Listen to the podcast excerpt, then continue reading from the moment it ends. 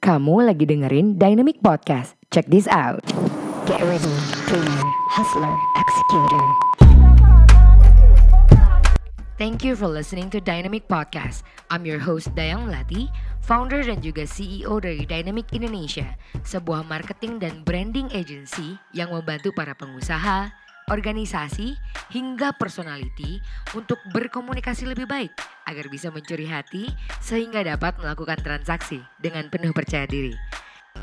Nah, sebentar lagi kamu akan mendengarkan cerita yang penuh kisi-kisi pelajaran dari seorang pemimpi menuju pejuang yang penuh dengan aksi. Agar segala keinginan gak hanya ke bawah mimpi. This is your Dynamic Podcast. Jangan ke bawah mimpi doang. Here we go. Hi, welcome back people. This is Dynamic Podcast. Jangan ke bawah mimpi dong with your host Dayang Melati. And again, ini episode terbaru kita dalam edisi Kartini. Uh, selamat Hari Kartini seluruh woman empowerment uh, and feminist out there. ini langsung ngomongin feminis aja nih aku. But anyway, um, uh, very glad terima kasih kepada teman-teman yang masih dengerin kita dan dan dan you know allowing taking your time untuk dengerin podcast ini. And because this podcast is very special we have a very special guest right now right here pada saat ini juga. Dan ketika kalian denger ini you guys will be very surprised. We have co-founder Narasi right here. Halo assalamualaikum Kak Citra. Apa kabar? Waalaikumsalam, kabar baik, alhamdulillah. Meski ini sudah sekian minggu sudah melewati bulan kedua kita work from home, social distancing, and semua tatanan kehidupan kita berubah, uh -huh. tapi alhamdulillah masih banyak hal yang bisa kita syukuri. Dayang apa kabar? Sehat? Uh, sehat, lumayan grogi. sehat oh, yang penting. Iya betul betul. Eh tadi menarik banget ya pas Kak Citra ngomong iya. Apa? Fisik dan uh, fisik dan mental. Somehow tadi pas Kak Citra ngomong mental harus sehat. Hmm. Yep, betul. Hmm? Tadi Kak Citra ngomong, oh iya kita walaupun mengubah tatanan uh, tatanan kehidupan kita, yeah. somehow kita di Dynamic sendiri udah satu bulanan lebih juga work from home, dan somehow itu udah menjadi kebiasaan gitu loh kak. Therefore I was like, hmm. oh, nggak oh, ada ngerasa gimana apa kabar WFH-nya gitu, udah nggak ada lagi kayak gitu karena somehow udah lebih dari, udah patternnya udah lebih dari 21 hari, terus berasa oh ini ya oh emang this is a new life the new the new way of life gitu ya, tapi WFH dirimu yuk huh? uh, awalnya mungkin berat tapi hmm.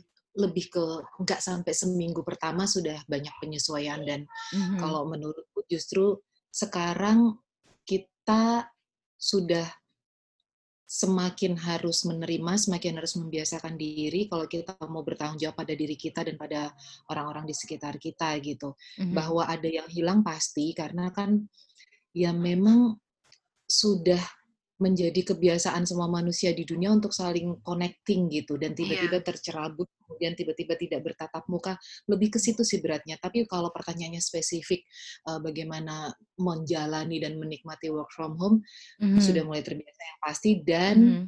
uh, jauh lebih produktif artinya kita tidak perlu pindah dari satu tempat ke tempat lain menikmati kemacetan Jakarta naik turun MRT pindah uh, sana sini gitu cuman ya itu uh, kalau di aku berasanya secara fisik kurang gerak badan, jadi tetap harus disiplin banget pagi dan malam sebelum tidur tuh aku usahakan selalu workout gitu meskipun hmm. just like 20 or 30 minutes gitu, hmm. tapi rutin karena kayak ya sehat itu ya kita yang mengusahakan gitu, bukan yeah. sekedar diomongin, bukan sekedar diimpikan gitu. Mm -hmm.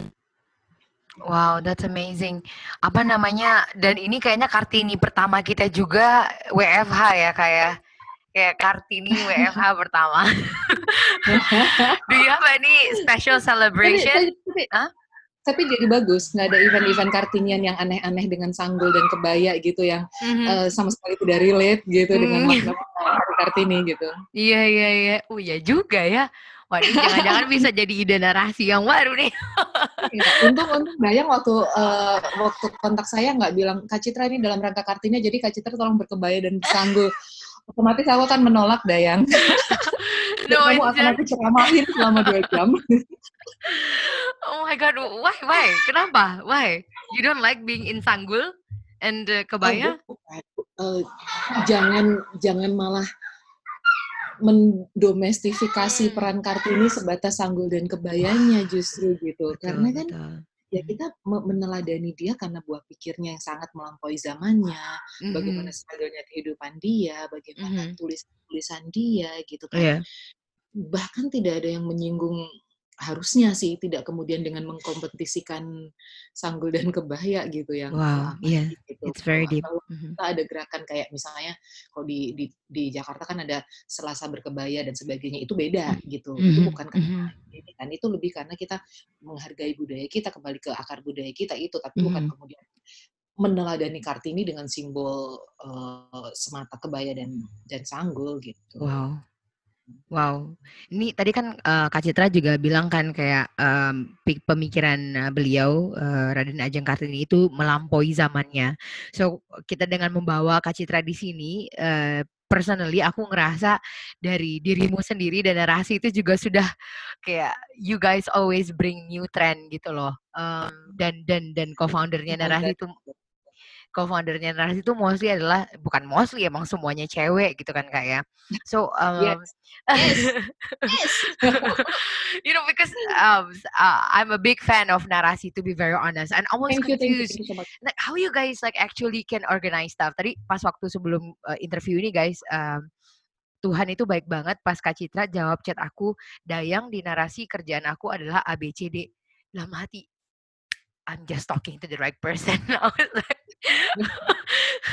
Karena kan kita cewek itu uh, manusia apa namanya makhluk yang bisa mengerjakan banyak hal gitu kak. So my question maybe organizing my question. For, yes exactly. So uh, gimana sih kakak melihat uh, peran wanita saat ini gitu di dunia kreatif ataupun dunia yang sibuk di industri yang super sibuk seperti ini gitu? Hmm. Pengalaman di tahun ketiga narasi berdiri ini mm-hmm. hampir tidak pernah menjumpai problem yang terkait dengan kerjaan karena saya perempuan. Wow. Syukurnya begitu gitu ya. Entah mm-hmm. apakah karena aku lebih banyak bergelut di industri kreatif yang memang mm-hmm. yang dihargai ya buah pemikirannya, kreativitasnya, bagaimana dia bisa mencari ide, menuangkan ide dan gagasannya tidak semata-mata dalam angan-angan, tapi benar-benar diwujudkan. Bagaimana berkenalan dengan orang-orang, bagaimana hmm. membuka diri ke anak-anak yang lebih muda umurnya hmm. dari saya gitu. Hmm. Saya sudah 40-an tahun, sementara hmm. dunia kreatif dan target marketnya narasi, which is audience narasi itu kan usianya bahkan mungkin belum separuh aku gitu. Jadi hmm Hmm. harus banget banget banget kita yang membuka diri dan mengadjust kemampuan kita untuk masuk ke mereka dan tidak hmm. pernah sih selama tahun sampai tahun ketiga ini semua mempermasalahkan karena hmm. eh, karena gue perempuan misalnya kayak gitu hmm. nggak sama sekali gitu yeah. karena ya ya kita problem itu menurutku ya memang sudah nggak relevan sekarang yeah. gitu. Mm. Aku juga menyetujui hal itu kak, karena nggak ada juga yang melihat itu seperti kayak something bad gitu kan, kayak nggak ada yang apply job harus cewek atau cowok kayak gitu kak. Cuman kalau seandainya untuk saat ini untuk menjadi kartini yang hakiki gitu sih, um, we would like to uh, know your um, perspektif gitu kan. Tadi kita kakak ngomong gimana seorang wanita itu tidak hanya berangan-angan tapi juga mewujudkan keinginannya gitu di dunia yang udah super fleksibel and opportunity di mana-mana seperti ini menurut kakak untuk menjadi kartini yang hakiki atau kartini yang baik itu seperti apa sih? Uh, perempuan memang dituntut untuk melakukan banyak hal di saat yang bersamaan, yeah. memikirkan mm. banyak hal di saat yang bersamaan. Mm -hmm. Dan uh, kalau di saya sendiri banyak sekali peran dan nggak nggak hanya saya ya, tapi maksudnya hampir semua perempuan itu peran yang melekat di dirinya itu beragam. Mm-hmm. Seorang istri, seorang mm-hmm. ibu, Betul. seorang uh, perempuan karir yang punya tanggung jawab terhadap timnya. Mm-hmm. Kemudian kalau aku punya aktivitas di luar aku sebagai A, sebagai B, sebagai C, sebagai D itu semuanya melekat di di, di kita gitu. Iya. Yeah. Uh, tidak perlu tidak perlu terlalu peduli dengan mm. uh, apa ya standar-standar yang dipaksakan atau Iya. standar-standar ganda atau hal-hal yang ya, ya sejauh tidak merugikan orang lain, Iya. kemudian uh, kita tahu batasan-batasannya dan yang paling penting kalau menurutku aku harus bisa tarik ulur. Aku selalu mempelajari komunikasi yang Hmm. tarik ulur gitu. Kadang ngegas di satu sisi tapi kemudian bisa narik diri, Hmm. kemudian Hmm. mencurahkan waktuku untuk sepenuhnya ngurusin kerjaan aku nak mundur dulu dari urusan uh, domestik gitu tapi ada kalanya ketika masalah kerjaan sudah di titik yang aman kemudian aku Hmm. balik lagi ke peranku yang lain Hmm. fokusku di sini ditarik lagi ke ke, ke peran-peran yang lain gitu Hmm. menurutku hidup itu lebih lebih ke bagaimana terus menerus mempelajari seni untuk tarik ulur ini termasuk dalam pekerjaan artinya Hmm. ketika kita berhubungan dengan teman-teman narasi Iya. eh, ada ada kalanya kita memang harus eh, direct kasih perintah Hmm. gitu. Tapi ada kalanya kita biarkan aja, kita lempar aja teng gitu, biarkan mereka kemudian bergulat dengan ide-ide mereka kayak gitu. Ada satu Hmm. titik ketika aku harus masuk, bagaimana ketika harus keluar dan itu benar-benar eh, hal yang dipelajari secara pelan-pelan gitu. Bagaimana kalau aku menyebutnya sebagai seni untuk tarik ulur itu gitu dan itu aku Hmm. perla- lakukan di banyak hal gitu. Oke. Sesuai dengan peran dan porsinya. Hmm, oke. Maksudnya kalau dilihat dari uh, range umur gitu kayaknya juga um, apa namanya eranya Kak Kak Citra sama eranya kita kan juga nggak beda jauh ya anak umur 20-an gitu kan. Dan kalau kita lihat gimana sih perasaannya Kak Citra menjadi Makasih seorang loh, aku tidak semudah itu. I Anakku believe so. Ini anakku udah SM, SMP loh. Masa sih? Ya. Aku nggak nanya anakmu yang cowok deh. Iya, anakku yang cowok udah SMP. Oh iya, oke. Well, anyway, my question was like, um, pe- pekerjaan kakak kan, uh, I mean like you portrayed uh, kakak tuh terlihat sangat independen gitu kan from your work as a reporter dulu di Metro TV atau dan sehingga saat ini ya kan kayak kayak maksudnya Hmm. sebagai seorang wanita yang independen, yang kuat, yang strong gitu. Di mana mungkin sekarang uh, kesenjangan untuk menjadi uh, kesenjangan seorang wanita tuh mungkin nggak terlalu terlihat saat ini gitu loh. Mau apply job ya silahkan ya as long as you are talented ya udah lu keterima gitu. Tapi as a, dari dari society itu itu sendiri gitu loh kak yang kayak oh, kamu terlalu kuat menjadi seorang cewek gitu kamu nggak kayaknya nanti nggak ada cowok yang mau gitu. Oh kamu Hmm. kok umur segini uh, umur 25 belum nikah aja udah heboh gitu kan sekampung gitu. I think it's too young for marriage. It was like what? Why? So um, how do you see that kak Moga-moga itu udah semakin sedikit ya. Mhm. Eh, apa? Ya itu tadi yang aku bilang standar-standar yang dipaksakan, Ya. standar-standar ganda gitu. Kalau i- per- perempuan dibatasin di umur sekian berkarir kemudian ketika dia punya anak dia harus eh, kembali ke urusan anaknya gitu atau rumah Hmm. tangganya itu juga nggak apa-apa sebetulnya nggak apa-apa itu juga pilihan masing-masing gitu tapi benar-benar pilihan sadar perempuan gitu jangan sesuatu pilihan sadar perempuan oke ya jangan Mhm. sesuatu yang dipaksakan dari luar kalau Hmm. misalkan eh, dipaksakan dari luar tapi kita bisa berkompromi ya why Hmm. not gitu apakah aku Iya. terpikirkan suatu saat misalnya aku menarik diri benar-benar kembali ke, ke ranah domestik dan meninggalkan semuanya apa sih nggak ya nggak mungkin sekarang gitu tapi Mhm. harus pilihan sadar yang Hmm. didiskusikan gitu jadi bukan kekuatan dari luar yang kita tidak yang akhirnya kita hanya tinggal menerima perintah gitu ya tanpa Hmm. perlawanan semua semua harus diantisipasi sih dan Hmm. dan apa ya kayak eh, aku tuh mau bilang di situation gitu ya di pandemik sekarang itu Iya. mengubah banyak sekali banyak sekali hal gitu Iya. orang tiba-tiba tiba-tiba tidak hanya tidak sekedar tiba-tiba tercerabut dari connect uh, each other gitu kemudian tidak bisa lagi keluar rumah tidak bisa Hmm. lagi bergaul tidak bisa lagi bertatap muka secara langsung gitu tapi dan lebih lanjut lagi tiba-tiba kehilangan pekerjaannya Iya. kehilangan pencahariannya eh, sudah punya planning bahkan sampai 2022 2023 itu bisa buyar semua karena Hmm. sekarang kalau nggak ngandelin eh, uang tabungan juga nggak bisa hidup bahkan gitu Iya. itu itu memang ini berat sih ini tahun yang berat dan Mhm. eh, banyak orang yang pada akhirnya tidak hanya sakit secara fisik tapi yang Iya. lebih menyedihkan itu adalah ketika mereka secara mental juga udah semakin tidak stabil gitu Nah, yeah. uh, ini mengajarkan banyak hal. Menurutku kalau kita selamat melewati era pandemi ini, banyak sekali tatanan yang akan berubah.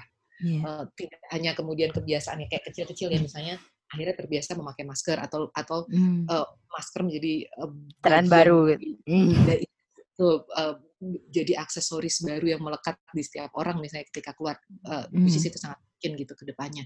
Tapi kemudian orang juga akan berpikir bagaimana saving money, bagaimana mm. mengatur mengantisipasi kayak gitu. Kemudian yeah. orang akan berpikir lagi uh, semoga gitu orang akan membuat membuat list lagi apa sih yang perlu untuk dia, apa yang menjadi kebutuhan sekundernya dan sebagainya dan sebagainya. Bagaimana hmm. kemudian secara sadar memenuhi kebutuhan batinnya untuk yang memperkaya batinnya, memperluas hmm. wawasannya untuk uh, tidak terjebak dalam penyakit-penyakit kejiwaan gitu yeah. ketika ketika sesuatu terjadi guncangan gitu mm. ini akan mengubah uh, semua orang di seluruh dunia sih aku rasa dan kita mm. uh, kita sekarang masih masih di era ini yeah. belum punya covid bahkan gitu dan mm-hmm. benar-benar berdoa berdoa yeah. banget gitu supaya mm-hmm. kita semuanya selamat Wow, iya, yeah. I mean, aku setuju banget sih no objection sama sekali karena itu emang uh, secara pribadi juga ngerasain sekali bagaimana COVID ini bisa ngasih waktu untuk berdiam, berpikir, hmm. mengevaluasi dan segala macem gitu ya kayak. Ya. Cuman um, gimana ya? It's a bit jadi takutnya tuh kayak malah lebih suka seperti ini. Kebayang gak sih kayak you save so much time, you are so productive and uh, ya mungkin akan banyak hal yang berubah setelah ya semoga covid ini berlalu dan social distancing ya. selesai gitu kan dan mengubah satu generasi betul betul betul. Sangat. Anyway jadi kalau menurut kakak sendiri um, menjadi seorang yang um, bisa dibilang apa ya sukses lahir dan batin itu setelah adanya mungkin kita mempunyai banyak pemikiran ya sekarang ya um, setelah merenung udah banyak waktu untuk berpikir dari sendiri untuk keluarga karir dan segala macam do you have any different uh, different definition about success gitu? For now? As a independent woman. Wah aku suka banget nih ngomongnya. Uh, aku aku tetap men, membedakan uh, kalau misalnya kita kita bicara tentang kesuksesan. Aku jarang berpikir soal kesuksesan sih ya. Uh. aku tuh bener-bener kayak yang kesuksesan jangka panjang itu tuh jarang gitu. Jadi oh, okay. aku, hidupku tuh aku planning betul gitu segala uh -huh. macam gitu. Uh, kayak misalnya kalau tentang satu tentang pekerjaan gitu tentang iya. pekerjaan yeah. aku akan, akan uh, selalu bikin target-target dan uh, dan dan dan rigid gitu. Mm-hmm. Ada yang weekly, ada yang per bulan, ada yang per Q gitu sampai mm-hmm. beberapa tahun depan kayak gitu. Itu wow. itu selalu kami lakukan gitu menjadi kebiasaan kami di di di para leader generasi gitu. Mm-hmm. Nah, uh, uh, terus kemudian untuk hidupku sendiri juga aku tuh selalu gue tuh selalu semua segala sesuatu tuh gue detailin sih. Aku wow. tuh sangat attention to the detail gitu dan mm-hmm. semua semua tuh harus step by step, semua semua harus pelajari pelajari dari teorinya, dari apanya gitu. Jadi benar-benar mm. step by step. Gitu. Kalau uh, ini agak agak melenceng nggak apa ya? Iya yeah, yeah, no worries.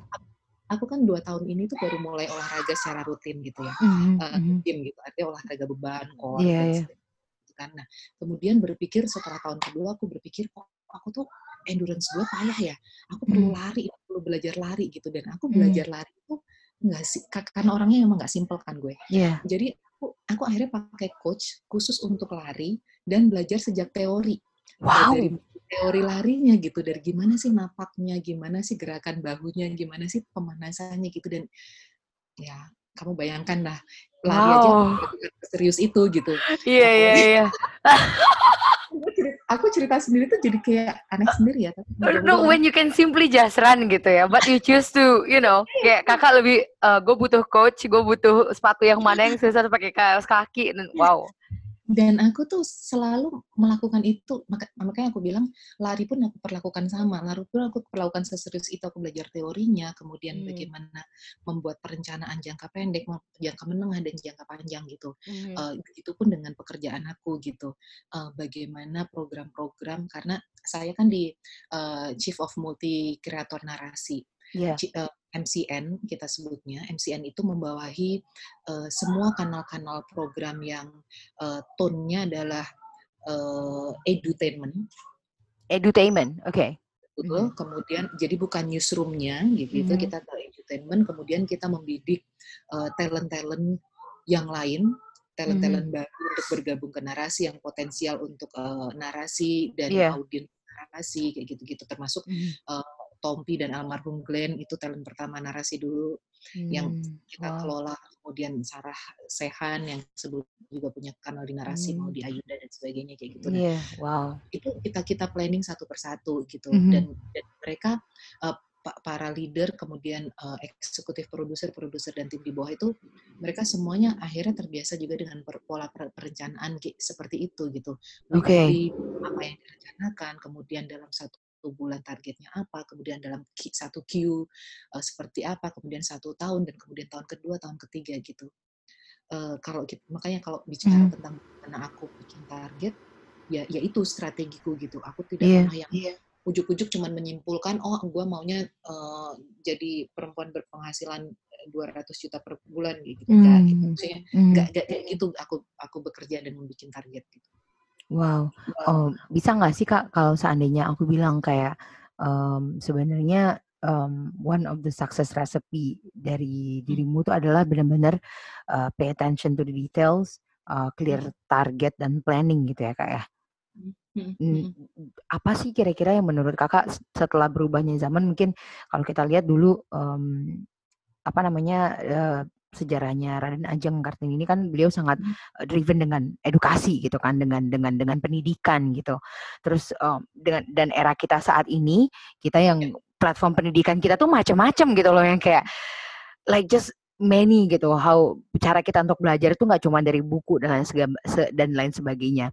Jadi kalau menurut kakak nih kalau seandainya kita pengen menjadi bukan menjadi sih aku pengen nanyanya gimana sih um, apa sih enggak aku pengen nanya apa sih yang kurang dari kartini kartini zaman sekarang itu kak menurut dirimu yang harus seharusnya kita improve gitu loh mungkin beda-beda ya tapi kalau hmm. untuk uh, industri kreatif yeah. seperti seperti yang sekarang uh, jadi tanggung jawabku yeah. hmm, membuka diri untuk belajar kapan pun dan dari siapa pun. Jadi membuka jangan diri. faktor usia misalnya. Kalau mm -hmm. kalau mm -hmm. dulu itu kan ya ya membuka diri mm -hmm. dan mau menerima pelajaran dari siapa pun gitu. Uh, kita okay. itu uh, long life learner gitu. Kita itu generasi pembelajar. Mm -hmm. Generasi yang yang harus belajar dari mana pun gitu. Aku sendiri ya misalnya, yeah. kalau disebut uh, mana cara saya belajar gitu, yeah. caraku belajar, nah, pertama pertama kali ketika uh, di TV, mm. mata nacho di TV, kan kita iya. nggak yeah. pernah ngurusin dunia digital ya. Iya. Yeah. pokoknya setiap episode Mata Nacho yang tayang di uh, di stasiun TV yang lama, kemudian masuk ke channel YouTube atau di di websitenya uh, narasi stasiun itu kayak gitu. Hmm. Waktu itu belum ada narasi. Oh, nah, oh iya. Ketika iya. kemudian ya ketika kemudian selesai dari Metro TV dan kemudian uh, ingin bermain di dunia digital, hmm.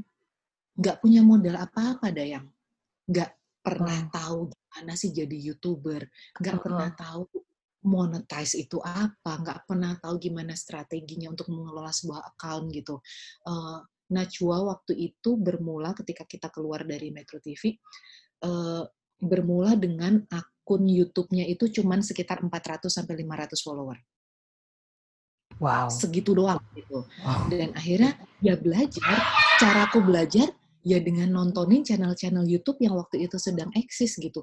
Aku sama sekali nggak tahu hmm. Atta Halilintar, aku sama sekali nggak tahu Edoza, aku sama hmm. sekali nggak tahu Ria Ricis gitu. Yeah. Dan terkaget-kaget gitu ketika tahu bahwa wow channel YouTube-nya begini begini terus kita pelajari kita kita kita belajar dari uh, dari orang-orang kayak gitu kita datang yeah. ke datang ke YouTube kita datang ke kantor YouTube dan yeah. sesederhana bahwa ajarin dong jadi youtuber gitu wow jadi belajar bener-bener dari anak-anak ayo ya ampun tentang usianya separuh aku. Masih ya ya betul. Dan dan sekarang pun seperti itu gitu ketika ada tiba-tiba ada yang viral gitu terus Hmm. tiba-tiba TikTok yang sekarang booming kayak gitu tuh Iya. kayak pelajari lagi kenapa ya disukai gitu. Iya. Kenapa aku harus sampai belajar begitu? Kenapa sampai harus ngamatin TikTok, ngamatin ini, ngamatin itu? Karena ya Iya. target audiens untuk produk-produk narasi sekarang ya mereka-mereka ini Oke. anak-anak dengan rentang usia 18 sampai 25 tahun gitu. Iya. 18 sampai 25 tahun loh. Itu sangat Hmm. berbeda dengan target audiens yang selama ini aku kelola di program Mata Najwa di stasiun lama gitu. Iya iya iya. Mhm. Jadi Metro TV, TV berita pasti ya memang lebih mature gitu kan. Mhm mhm. Beda sekali gitu Iya dan itu iya aku iya. pelajari dari nol Dayang. Nol sama Wow. sekali gitu. Wow wow. Aku aku aku prediksi pasti Kak Citra udah bikin plan, aku harus kayak gini, ini harus yang aku pelajarin dan segala Ya macam gitu ya. akhirnya banyak yang gagal juga, se- Mhm. simpangannya tuh selalu banyak gitu. Karena aku seperti aku bilang tadi, aku orangnya Mhm. sama sekali nggak simple. Kalau banyak, eh, sorry anak gue lagi jerit. Kalau lagi main sama suamiku. Mmm. Jadi kalau misalnya banyak orang yang simple ya, Iya. maksudnya ya sih ya simple gitu kita begini dan aku terus terang sih, aku tuh orang yang nggak pernah simple. Yeah, well, well Selalu ribet kelebihannya dan juga sih Kak. banyak Mhm. cabang, selalu Mhm. banyak cabang. Hmm, amazing. Mmm, tadi kan aku nanya ap eee, berarti kan yang harus kita improve ya, kita harus berani untuk belajar dari siapa pun dan di mana pun, Ya, membuka diri gitu ya Kak ya. Kalau untuk yang banyak sekali kalau aku ngerasa untuk yang pelajaran self love, untuk yang pendidikan, awareness untuk kayak gitu mungkin banyak sekali konten konten di luar sana yang udah mengedukasi perempuan pem perempuan, eee, Indonesia Mhm gitu Kak. mhm. Cuman kalau seandainya nih not not everyone reach that 1% gitu kan. Maksudnya yang yang muncul yang, mmm, dikategorikan oleh mainstream itu sukses lah istilahnya kayak kayak Mbak Najwa atau Mbak gitu kan. Oh dari tadi Mbak terus Oh aku Kak gitu. banget lah dari kata. No I mean Aku tuh hah. beuh. Ya gitu. Kamu kamu lihat pernah kita pernah ketemu kan yang gimana tuh yang suka loncat sana loncat sini doang. Which is fun. I mean like eee, the the, eee, the woman behind the show, I mean like to support everything to run smoothly itu tuh kan nggak gampang gitu loh dan pasti banyak yang pengen kita pelajari dari Kakak gitu. What do you think apa sih yang harus kita lakukan biar kita tuh lebih excel gitu loh, lebih baik gitu dibandingin di eee, dibandingin diri kita sebelumnya gitu kan. Ada yang bilang you don't you don't need to compare to yourself to others gitu kan. Tapi apalagi sih yang harus kita lakuin biar kita tuh lebih baik gitu. Karena ada orang, "Wah gue udah belajar nih, gue udah ini nih," gitu kan. Tapi why why I can't make it yet gitu. Kenapa sih gue belum ini gitu. Terus akhirnya ya udahlah sama aja lah kayak orang lain gitu kan. I don't know, I'm Hmm. just gimana sih Kakak? Jadi lagi-lagi tuh aku aku selalu itu tadi Mhm. sih, faktor tarik ulur itu sesuatu yang penting banget buat aku gitu. Aku akan Ah. stres stres sampai jauh sekali gitu, Iya tapi iya. kemudian memahami memahami banyak hal di tengah Iya. jalan gitu, Mhm mhm. siap-siap berubah planning, Iya. eee, harus sangat fleksibel Dayang. Kita nggak Wow. boleh kaku, harus sangat fleksibel menerima semuanya gitu. Wow. Let's say kita punya punya planning da sampai ke Q4 2020, Iya. kami sudah punya plan akan menyiapkan sekian series, program di narasi, ada tambahan, eee, talent dan sebagainya. Iya. Buyar semua kan karena corona. Betul. Kita sudah Mhm. planning untuk menyiapkan sekian kali workshop seperti yang di Pontianak itu gitu. Yeay, Bagaimana sekarang kita bagaimana sekarang kita bisa bikin workshop offline? Mhm. Nggak mungkin Iya. dong. Iya iya, Nah, betul. kita harus fleksibel. Ada satu titik yang kemudian aku agak narik diri untuk berpikir dan merenung dulu. Tapi Wow. kemudian nggak boleh lama gitu. Kita Mhm akhirnya. Memutuskan untuk, oke, kita ubah semuanya. Masih punya potensi untuk off offline eee, online event nggak? Sebelumnya mungkin webinar, online meeting, dan Mhm. sebagainya sesuatu yang asing, kita nggak pede. Kalau mau bikin webinar itu daya tahan orang untuk nonton, kuota, Mhm. pulsa, dan sebagainya. Iya. justru dengan sekarang ini ketika social distancing, eee, dan physical distancing whatever itu, orang jadi semakin terbiasa dengan itu Iya. dan itu peluang kita Mhm. kemudian meng-adjust konsep-konsep event kita, workshop-workshop content creator ini menjadi sesuatu untuk di, eee, online class gitu. Iya. Nah itu, kita harus sangat fleksibel, itu yang pertama gitu, jangan jangan Oke. kaku gitu. Mhm. Terus yang kedua, eee belajar untuk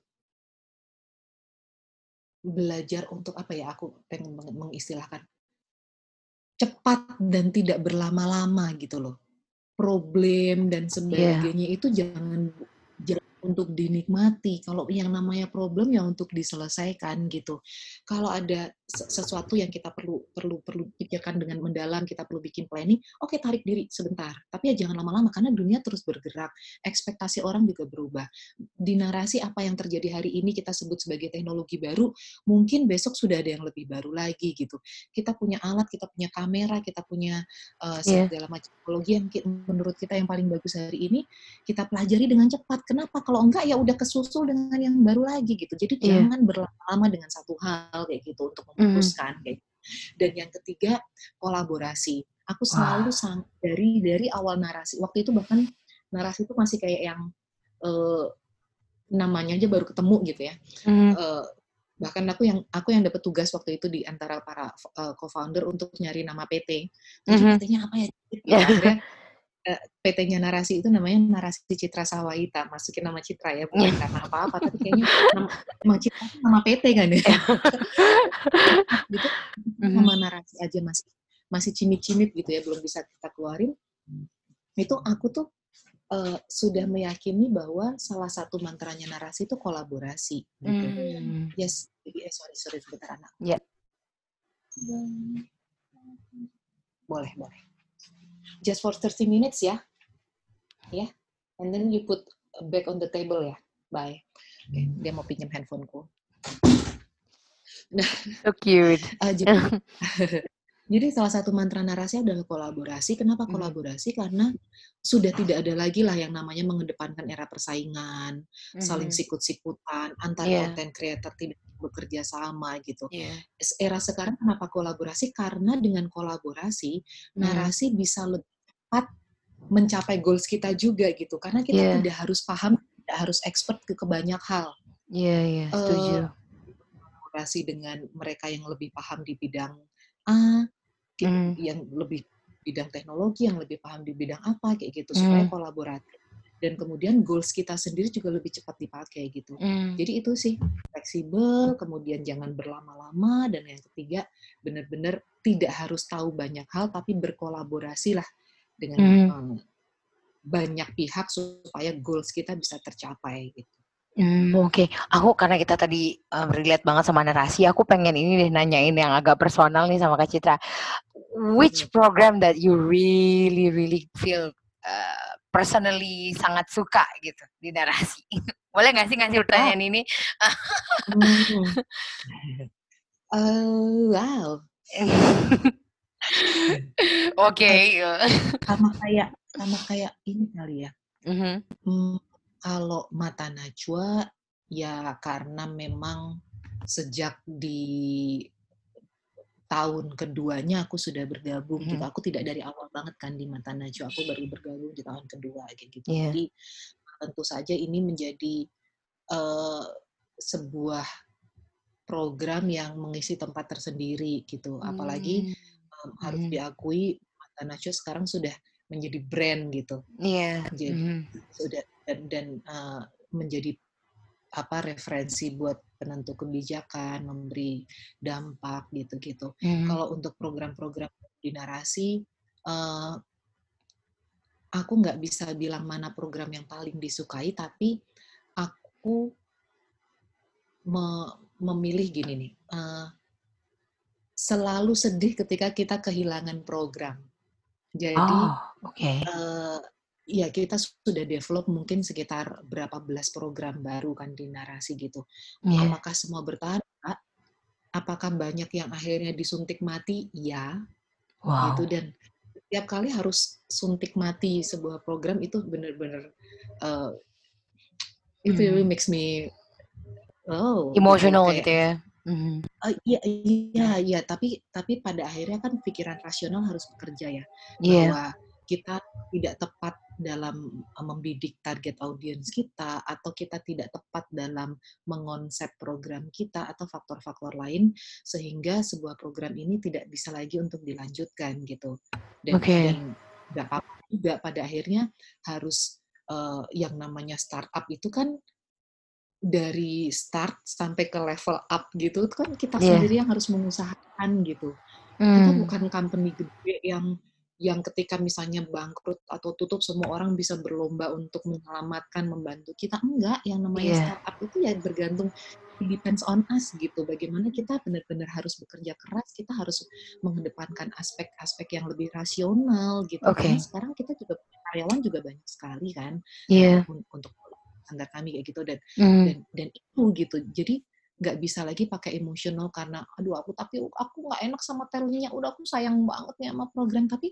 pada akhirnya kalau nggak ada yang nonton atau secara aspek bisnis juga nggak tercapai yeah. itu sih jadi kalau ditanya apakah apa program yang paling aku suka nggak sih aku selalu merasa uh, harus perlu menata hati gitu kalau untuk pengen menyelesaikan sebuah program.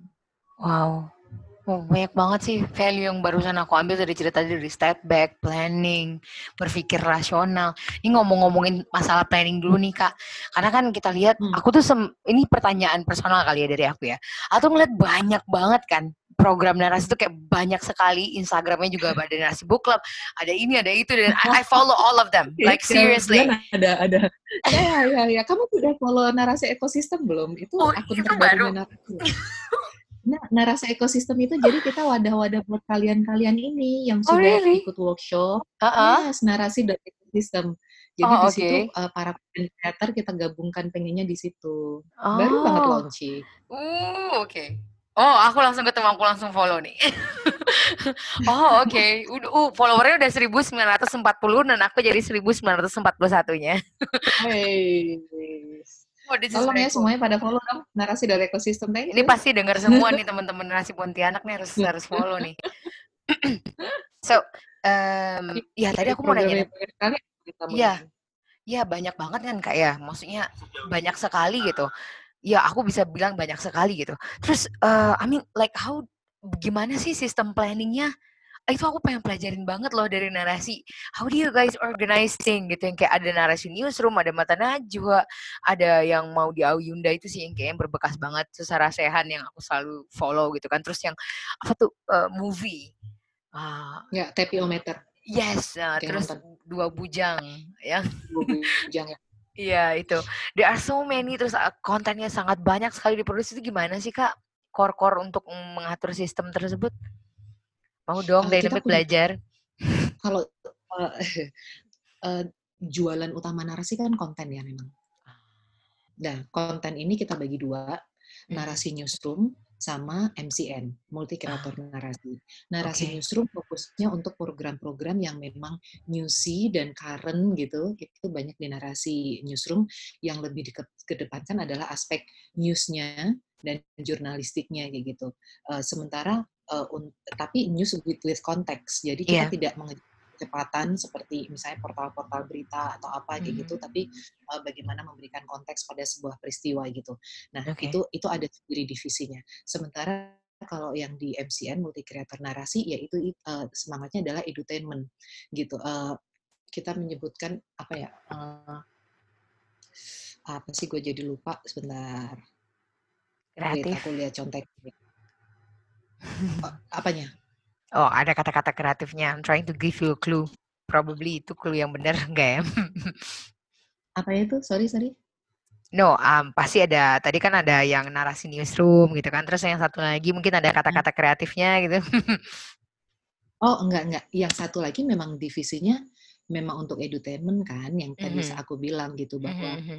uh, fokus kita ya untuk tema-tema yang tidak current mm -hmm. lebih ke news lebih ke uh, apa namanya program-program yang secara show itu lebih banyak mm -hmm. kita uh, kedepankan kayak gitu yeah. gitu itu sih gitu nah mm. uh, uh, aku mau lihat ininya aduh aku mati nih kayaknya ininya sebentar ya oke okay.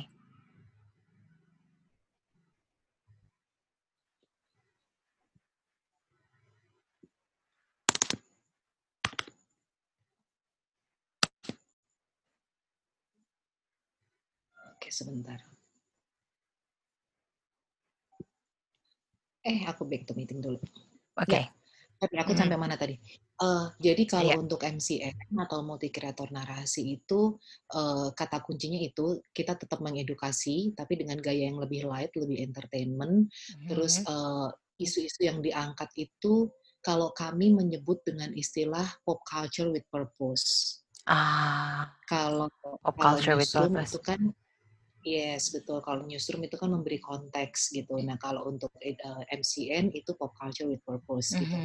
Yang ada itu ya program-program yang semisal dulu bujang, kemudian mm -hmm. uh, apa narasi people, mm-hmm. kemudian mm -hmm. geng nonton, meter gitu, mm -hmm. gitu yang kita ini.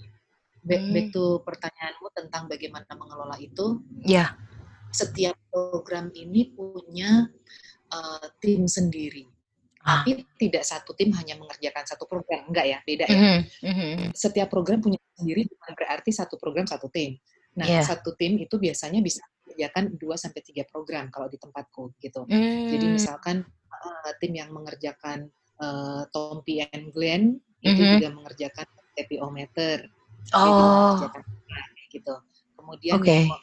narasi people, program narasi people uh -huh. itu produser produser dan tim kreatifnya juga mengerjakan take it easy. Oh, oke. Okay. Jadi mereka selalu brainstorming, ide-ide selalu muncul dari dari mana pun, gitu. Yeah. Kemudian mereka punya planning sendiri dan dan uh, aku tuh tinggal ya kadang-kadang sedikit mengintervensi ketika misalnya ada mm. kaitannya dengan misalkan dengan uh, uh, apa ya ngasih ngasih perspektif lain atau yeah. uh, mm. kita harus juga sikap sikap sikap mm. kita atau posisi kita akan terhadap sesuatu isu atau sesuatu hal kayak gitu. Yeah. Mm-hmm. Netralitas harus kita jaga bagaimana ketika brand masuk juga harus kita jaga dan sebagainya, mm. sebagainya. Nah, tapi teman-teman ini kemudian mengolah setiap setiap minggu mereka sudah punya planning, kemudian uh, monthly dan dan per queue seperti yang tadi aku uh, sampaikan gitu. Dan oh. uh, teman-teman yang mengerjakan mengerjakan kontennya, mereka juga yang kemudian memikirkan seperti apa sih uh, treatment sosial media yang pas. Ah, Karena setiap sosmed okay. itu kan karakternya berbeda ya. Betul, Kalau kita punya Instagram, Twitter, Facebook gitu, postingan mm-hmm. untuk masing-masing itu kan karakternya harus berbeda disesuaikan dengan karakter uh, penikmat atau pengguna media sosial itu. Karena itu yeah. kita bekerja sama dengan divisi lain. Kalau di tempatku di divisi konten, mm-hmm. divisi lain ada yang yang, yang lebih ke brandnya. Yeah. Jadi dia mengelola brand sosial media, campaign dan sebagainya. Nah itu tim konten akan berdiskusi dengan mereka gitu. Oh, tapi hmm. tapi yang episode ini kayaknya seru nih kalau kalau misalnya uh, dikasih treatment sosial medianya kayak gini, kayak gini, kayak gini, atau kita hmm. interaktif hmm. untuk menarik engagement orang untuk masuk dan sebagainya. Itu ada divisi sendiri, divisi uh, sosial media yang ada di bawah tim brand gitu. Hmm. Terus mereka oh. juga harus uh, mereka juga harus berkomunikasi dengan divisi uh, business development karena yeah buat uh-huh. sebuah program itu dibuat hanya untuk ditonton kita sendiri, tidak untuk uh-huh. ditonton masyarakat dan dijual kepada klien gitu. Iya, iya. Di mana pun iya. harus kita per, jadikan pertimbangan kan. Uh-huh. Jadi oh. itu cara mereka bekerja. Mereka punya tim kecil untuk mengelola konten, uh-huh. kemudian tim kecil ini memikirkan konten juga berhubungan dengan divisi uh, brand, sosial media, kemudian uh-huh. chip, kemudian bekerja sama juga dengan bisnis development gitu. Jadi segala hmm. aspek sih, segala arah gitu. Makanya hmm. di narasi pun kalau saya, kamu pernah main ke kantor narasi nggak sih? Udah, udah ketemu Kak Manda kemarin ya. di, di narasi itu kita tidak ada tidak ada tim yang punya meja kerja yeah, sendiri yeah. gitu. Uh -uh. Dan semua karena kita berharap semuanya saling tektokan gitu. Hmm. Semuanya hmm. saling ya kayak gitu saling ini gitu. Jadi memang memang nggak ya memang seterbuka itu gitu terus yeah. kemudian tempat tempat makan juga kita desain justru paling luas itu kayaknya tempat makan iya yeah. yang ada itu tempat merenung itu di situ yeah. kayak gitu kan iya yeah, iya yeah. malah jadi tempat kerja kayaknya juga itu ya ya karena mungkin di mana-mana pada akhirnya pada saling brainstorming dan mm. dan ide bisa bisa muncul dari uh, mereka lagi santai kayak gitu. Mm-hmm. Tapi ya itu tidak ada sekat-sekat meja kerja yang membatasi kayak gitu. Iya, iya. Dan uh, aku selalu menekankan ke teman-teman ketika masuk ke narasi bahwa kita tidak ada patokan jam kerja, which mm-hmm. di narasi itu tidak ada absensi yang jam masuk harus jam berapa dan jam keluar harus yeah. jam berapa, tapi uh, ingat bahwa semua pekerjaan apa pun di narasi pasti kerja tim, pasti hmm. teamwork. Even ketika kita mau liputan sendiri, yeah. bawa kamera sendiri pun, kita pasti akan ke circulation desk untuk minjem kameranya. Kita pasti hmm. kemudian berhubungan dengan sekretaris redaksi, dengan GE untuk pemesanan mobil, driver, dan sebagainya. Artinya tidak ada yang bisa bekerja sendiri. Nah, aku cuma menekankan ke timku bahwa kita tidak ada patokan jam kerja, tapi hmm. karena semuanya teamwork, aku tidak mau ada keluhan hmm. yang terkait dengan kerja kalian gitu. Jadi kalau kalian mau waktu itu belum era work from home ya, kalau kalian hmm. mau misalnya remote kerjanya dari mana, dari mana, dari kafe, dari mana kayak gitu. Hmm. Kalau tidak ada komplain dari tim ya berarti semuanya baik-baik aja. Tapi kalau sudah ada yang bersuara kayak gitu, nah yeah. aku terpaksa masuk. Iya, iya, iya. Jadi oh, wow. memang, memang pengennya egaliter terbuka gitu-gitu sih Dayang. Wow, that's amazing. Um, follow up question dikit ya kayak, ya. kan itu tadi akhirnya tim-timnya itu tuh kan gabung tuh yang kayak dari bisdev, ya. dari brand, dari dari dari uh, acara gitu kan. So it mean it's a very huge calendar plan dong ya. Maksudnya yang kayak emang udah terintegrasi gitu ya semuanya ya. Ya, ya benar benar. Oh, jadi yang mutusin tuh uh, not everyone is in the meeting kan? Masih yang kayak head-headnya masing, terus yang kayak ngobrol ya. nih. Ah, mm -mm. Okay. Setiap se kalau kalau setiap minggu pasti uh, le semua level leader kita kumpulkan untuk meeting gitu, mm -hmm. dan kemudian mereka menurunkan ke tim-timnya masing-masing gitu. Wow, wow. Uh, do you ever tidak ada kerja uh, yeah. yang yang pasti gitu ya, yang, yeah, yang, yeah. kayak misalnya orang pada umumnya mm. bukan berarti tidak ada sistem ya. Iya, yeah, iya. Yeah. kita tetap mm. perusahaan yang sebagaimana umumnya gitu untuk mm -hmm. uh, kerjaan dan sebagainya, sistem report gitu. Yeah. Report ada gitu di level leader. Hmm, check in. Oke. Okay.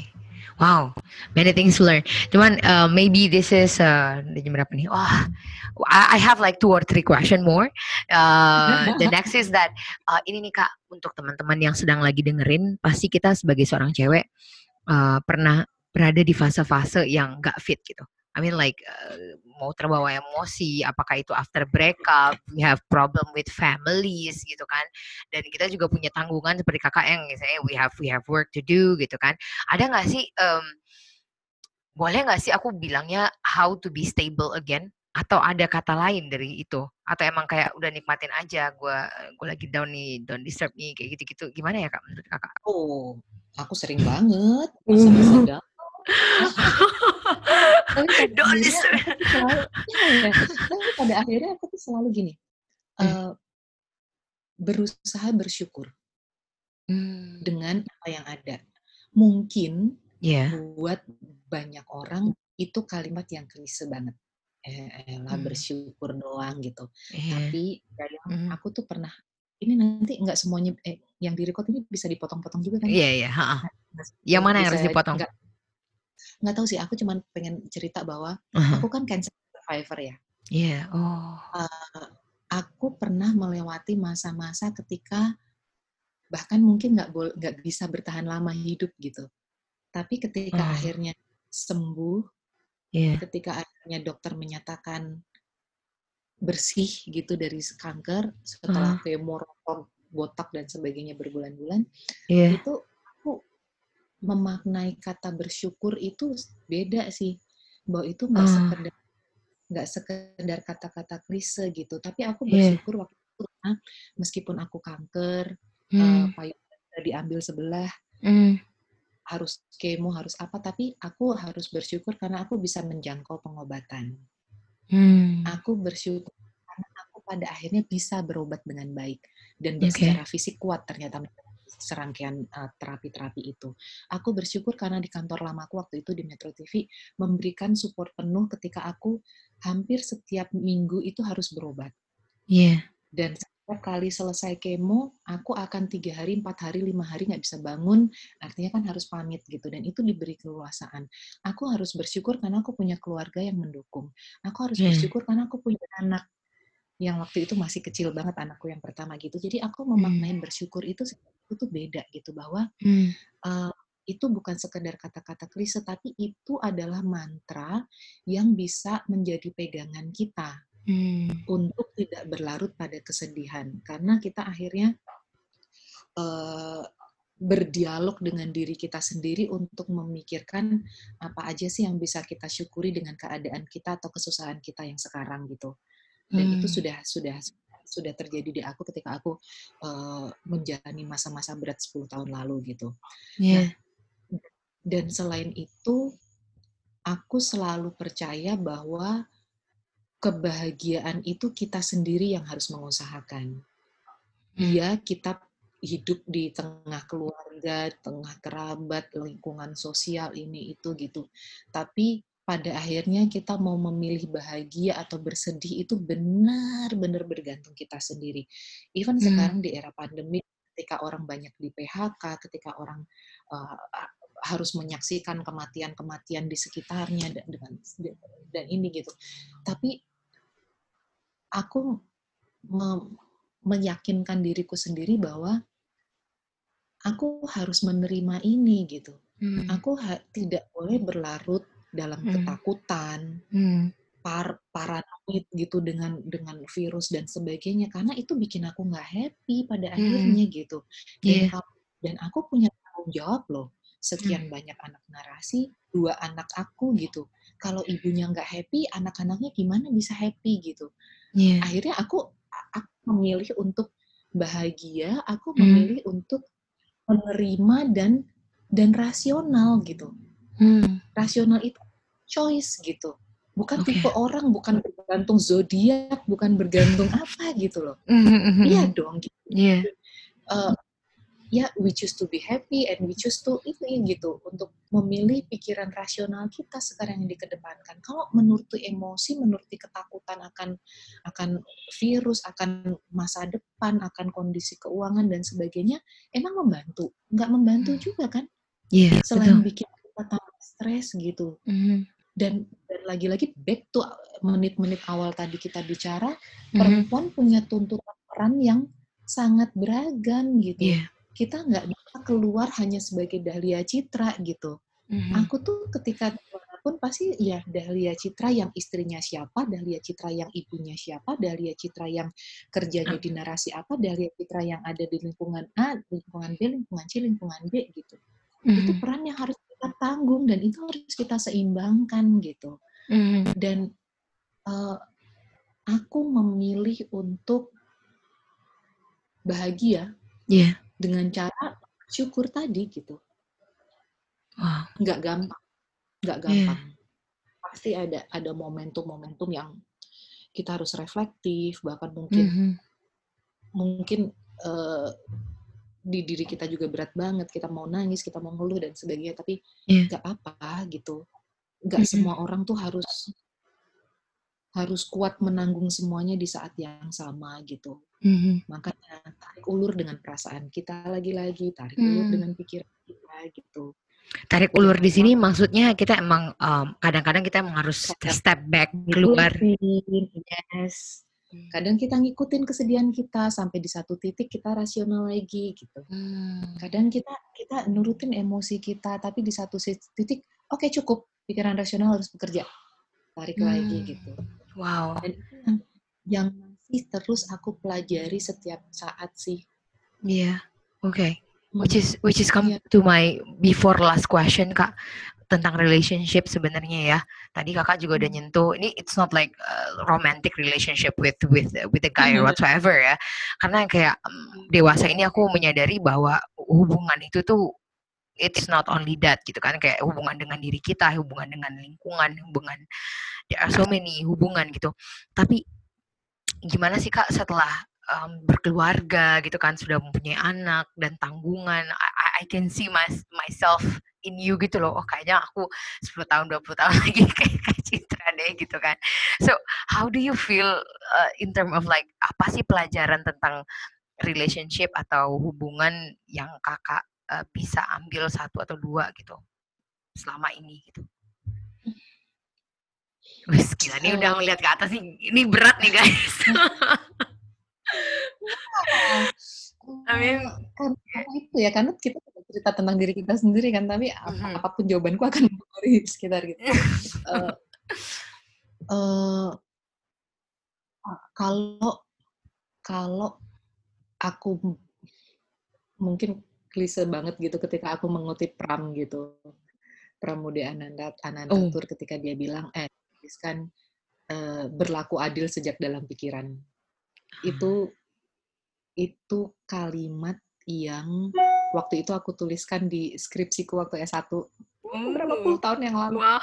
Tapi berlaku adil sejak dalam pikiran Pramudia Anantatur gitu dan uh, aku berusaha sih hmm. maksudnya berhubung uh, dengan siapa pun ya berlaku adil sejak dalam pikiran apalagi perbuatan gitu yeah. kalau kita nggak mau nyenggol orang ya nyenggol kalau hmm. kita nggak apa diginiin ya nggak apa-apa tapi kalau kita nggak mau diginiin ya jangan melakukan itu gitu. Nah berhubungan hmm. dengan orang pun, jalin hubungan dengan uh, pihak lain pun dalam arti apa pun, uh, kalau aku tipenya sebisa mungkin apa ya, sebisa mungkin menjaga tatanan gitu loh. Aku hmm. tidak terlalu suka berkonflik. Aku tidak selalu uh. suka Hmm. Apakah itu pelajaran tentang relationship yang kakak pelajarin so far? Bahwa uh, relationship itu bukanlah tentang, you know, kayak tentang jangan menghindari konflik. Uh, kalau aku bukan bukan iya iya iya itu itu kelemahanku sih aku tidak terlalu suka berkonflik gitu jadinya mm-hmm. uh, pada aku cenderung kalau misalnya uh, kalau misalnya berhubungan dengan berbagai pihak itu selalu mm-hmm. memikirkan tatanan yang lebih harmonis itu seperti apa gitu supaya hubungannya itu enak gitu. Karena uh, aku yakin dunia ini sempit ya. Kita yeah. akan selalu berhubungan dengan pihak-pihak itu itu lagi itu, itu lagi, itu lagi. Jurnalis sebagai pekerja di media kayak gitu ya ya mm. menjalin hubungan seluas-luasnya orang itu penting dan uh, tadi malam ini ini agak, agak agak ini sih jadi tadi malam eh, ada satu timku yang uh, ada mm. satu kok tim satu temanku yang hmm. cerita bahwa dia lagi dalam kondisi yang tidak seimbang karena yaitu ketakutan dengan kondisi pandemik sekarang, ketakutan yeah. kehilangan pekerjaannya, ketakutan dengan mental dia dan sebagainya mm. gitu dan mm-hmm. uh, di tengah pembicaraan itu aku tiba-tiba teringat ini agak rancu sih emang hidup gue kan kompleks ya. aku tuh ingat ingat dialog di film anak-anak tau film Cinderella. Princess. Yang mana? ya Cinderella yang yang versi terakhirnya Hollywood yang yang orang yang, yang benar si ya ya ya yang ya, be brave be kind yang itu kan yes, gitu oh.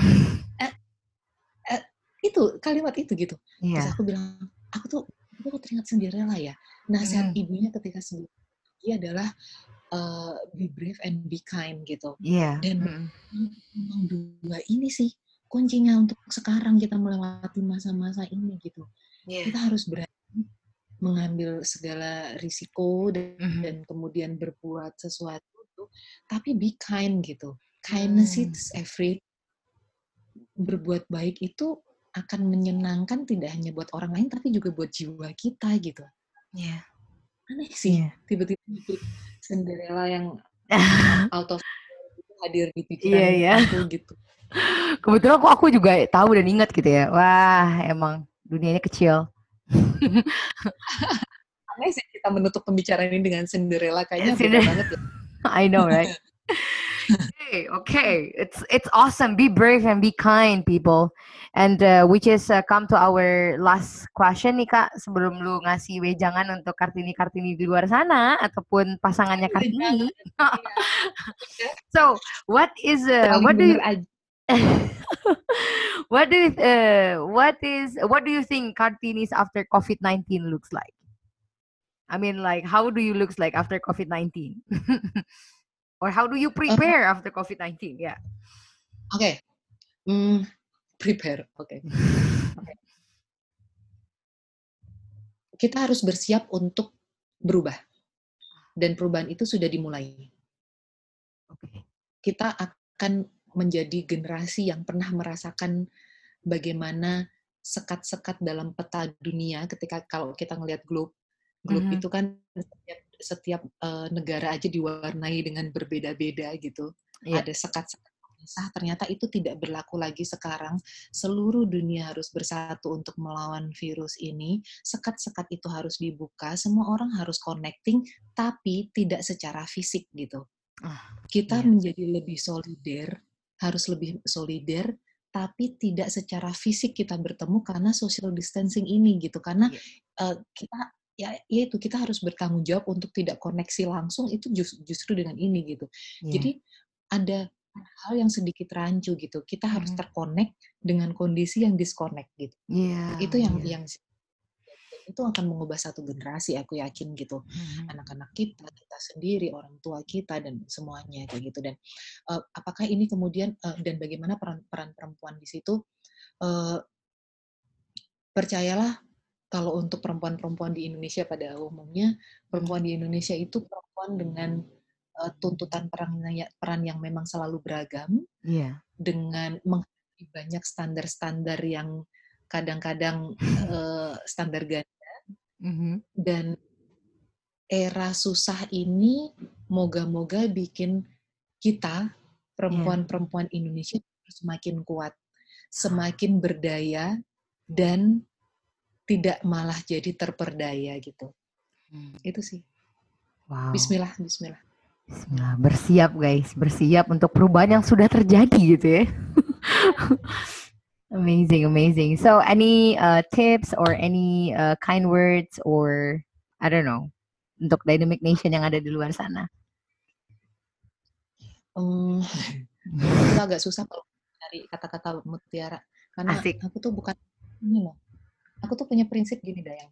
Iya. Yeah. Uh, hidupku tuh problem hidupku itu tidak bisa diselesaikan dengan senyuman.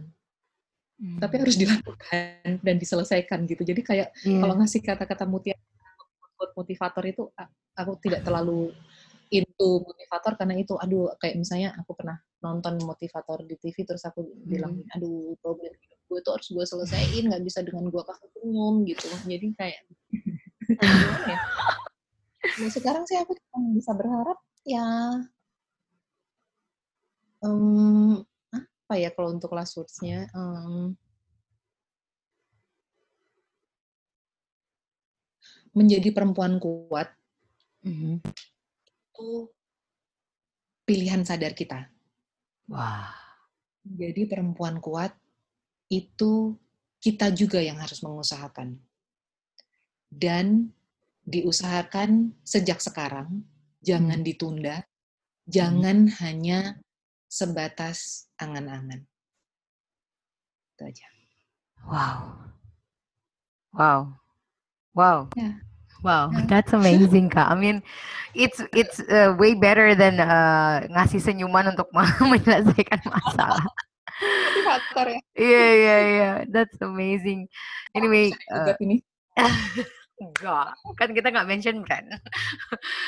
I mean, Kak, thank you banget ya Kak ya udah ngeluangin waktunya satu jaman lebih ini kayaknya untuk talking about this. Uh, dari hmm. Kartini, dari narasi, dari pengalaman uh, yang harus oke okay, ini yang bagian ini dikat. Um, ini nanti yang bagian mana yang harus aku cut Kak? Yang tadi cerita cancer tadi harus dikat Kak atau kayak gimana? Hmm, nggak apa-apa juga sih, cuman kalau ternyata terlalu melenceng dikat aja. Oh gitu. Kadang tuh kalau cerita tentang masa lalu itu tuh kayak yang apaan sih? gitu. Nggak hmm. bersyukur banget udah wah. Oke okay, satu satu dua tiga. So that's um, our um, an interview untuk episode khusus kartini ini uh, dengan kak Citra co-founder generasi dan the, seorang ibu seorang istri seorang anak dan wow social activist there are so many things kita sebagai seorang perempuan ya kayak yang kita handle di Indonesia. Banyak sekali hal-hal ungkapan-ungkapan yang kadang-kadang kita dengernya dari kata motivator dengan intonasi bla bla. Tapi Kak Citra ngomongnya santai aja tapi langsung jerup jerup jerup gitu ya kayak thank you banget ya Kak. Aku harap uh, episode kali ini bisa menginspirasi dan juga meng, apa namanya men-trigger teman-teman untuk mengambil aksi supaya mimpi mereka nggak hanya cuman ke bawah mimpi gitu. Thank you banget Kak Citra. Terima kasih uh, yang udah percayain aku untuk hadir dan uh, terlibat di podcastmu seneng banget oh. gitu mungkin tidak bisa aku share atau tidak banyak orang yang kemudian uh, ter terimpact dengan ini gitu. Tapi aku senang banget yang sudah jadi temen aku untuk berbagi oh. Kak Cita, thank you so much. She is, she is so kind. Oh my God, what should I do? Oh my gosh. Kemarin pas aku ke kantor narasi, Kak Cita lagi nggak ada. Cuma ada uh, siapa tuh uh, yang MC kemarin, Bang itu dan Yo, Kak ya, Amanda. Iya, heeh. I should visit again after COVID-19 ya guys. Positif ya, berakhir. Ya, amin. Kita harus amin. sehat biar bisa ketemu lagi. Amin. Salam ya Kak untuk Mbak Najwa dan tim narasi dan pasti keluarganya Kakak yang tadi sibuk main kayaknya anaknya. thank you so much. Oke, okay, thank you. Bye-bye. Iya. Assalamualaikum. Waalaikumsalam.